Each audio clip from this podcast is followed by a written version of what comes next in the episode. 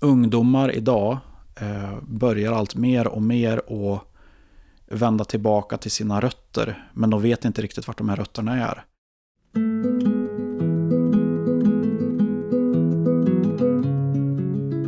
Det här är andra avsnittet av Bygdefolk. En podcast från Studieförbundet Vuxenskolan i Värmland. 23-årige Samuel Nilsson i Ekshärad har hyllats för sin kulturgärning. Anledningen är projektet Ekshärad i sagor och sägner där han vill rädda ett berättararv som riskerar att gå förlorat. För att förstå hur Samuels intresse för lokalhistoria började får vi gå tillbaka till hans barndom. Ja, det började nog eh, dagen jag för första gången fick eh, besöka vår fantastiska hembygdsgård, tror jag egentligen. Eh, mig eh, ovetligen så eh, då så, så, inspirerade platsen mig väldigt mycket. Det, det, fick mig att inse att jag, jag befinner mig i ett fantastiskt sagolandskap. Ehm, jag fick även berättat för mig av fröknarna på redan på förskolan tror jag att det bor en jätte uppe på berget. Varför då? Ja, det vet vi inte riktigt, men det, han bor där. Och han slungar stora stenar runt sig. Jaha, okej. Okay. Ekesjätten heter han. Ja, och ehm, hela uppväxten så fick man höra små, små eh, delar, små, små klickar av den här, det här kulturarvet som finns i byn. Men jag fick aldrig riktigt ta del av hela historien, för det fanns ingen som riktigt kunde förmedla den så som eh, den egentligen skulle ha blivit förmedlad. Oftast så fick man svaret att ja, det är så ungefär jag har, har eh, hört det. Men han du egentligen ska prata med, han, ja just det, han gick och dog förra året. Så det, det, det är lite svårt. Ehm, så eh, i, i min barndom så fanns det väl ett intresse, eh, men inte så etablerat som det sen kom att bli när jag började studera nere i Karlstad och på folkhögskolan och när jag var på väg in i spelindustrin. Det var då jag verkligen insåg att men jag vill ju in i spelindustrin för att jag vill ju jobba med eh, sagoberättande eller storytelling i spel och film. Det, det är ju det som är, är, så varmt om hjärtat för mig. Och det var då jag fick inse att historierna ifrån min hembygd, de är minst lika spännande som de historier som finns i dagens spel och filmindustri. Eh, det är ju den eh, sagoflora som, eh, som byggt upp populärkulturen. Samma sagoflora finner du avskalad i eh, platser som Ekshärad. Samuel gestaltade historiska figurer genom på ett fantasifullt sätt illustrera hur han trodde att de här karaktärerna kunde ha sett ut. De gamla berättelserna stöptes om och kläddes i en ny modern skepnad i form av filmer på Youtube så att unga idag skulle kunna bli intresserade. På Studieförbundet Vuxenskolan i Ekshärad fanns Annika Erneström det här var en fantastisk idé tyckte jag.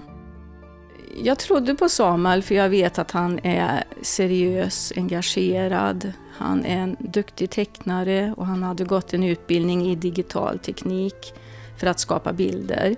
Eh, sen har han ju ett väldigt historieintresse och en kärlek för landsbygden. Annika uppmanade Samuel att bege sig ut och lyssna på de gamla i bygden de som visste något och sen dokumentera vad de kunde återberätta om sägner och folktro. Hela första eh, delen av sommaren 2018 spenderade jag med att cykla och åka moppe tur och retur ifrån Ekshärads centrum, ifrån min lilla barndoms, eh, barndomshem i Baster. Och eh, fick förmånen att intervjua och prata med många av eh, eh, byns berättare som ännu finns kvar. Och det var ifrån deras berättelser och det eh, lilla men ändå rikliga skriftliga eh, arkivmaterial som finns att tillgå. Både ifrån arkivet i hembygdsgården men också som folk privat sitter på. Kanske ligger och skräpar uppe på någons vind eller i en källare, bortglömt. Eh, det kommer att leda till eh, de här fyra gestalterna, historiska figurerna, stormannen Hök, Olof den helige, bågskytten och djävulens urmakare, mäster Johan Tinglöf.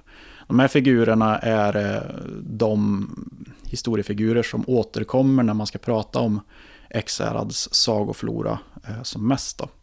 Och jag ville ge dem ett nytt eh, ansikte, ett litet ansiktslyft. För när jag gick på skolan så fanns det, det fanns ingen visuell förankring i vad, vad de här, Eh, ja men vad Ekesjätten, hur han såg ut. Eh, vem var Tinglöf? Man, man har bara sett hans gravkors.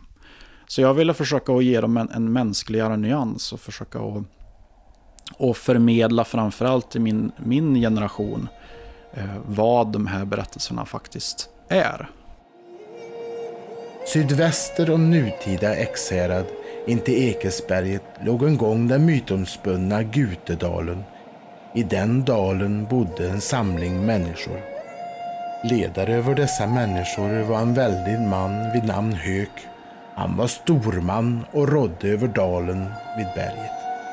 Och när allmänheten skulle få se den eh, premiärvisningen så hade vi en programkväll på eh, Kyrkhedens bibliotek som SV Värmland och Hagfors kommun anordnade tillsammans.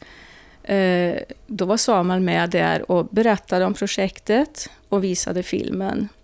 Och, och, det blev stor succé helt enkelt. Det, det, var en magisk kväll helt enkelt med film och musik och alla som var där var imponerade eh, det Samuels arbete och, och hans medarbetare hade gjort. Vad kände du? Jag kände mig stolt och glad för Samuels skull och tyckte att det var väldigt roligt att vi kom så här långt med hans projekt. Jag tycker Samuel är verkligen en bra representant för ung, ungdom på landsbygden. I nästa avsnitt handlar det mer om Ekshärad i sagor och sägner och om kulturarv som riskerar att försvinna.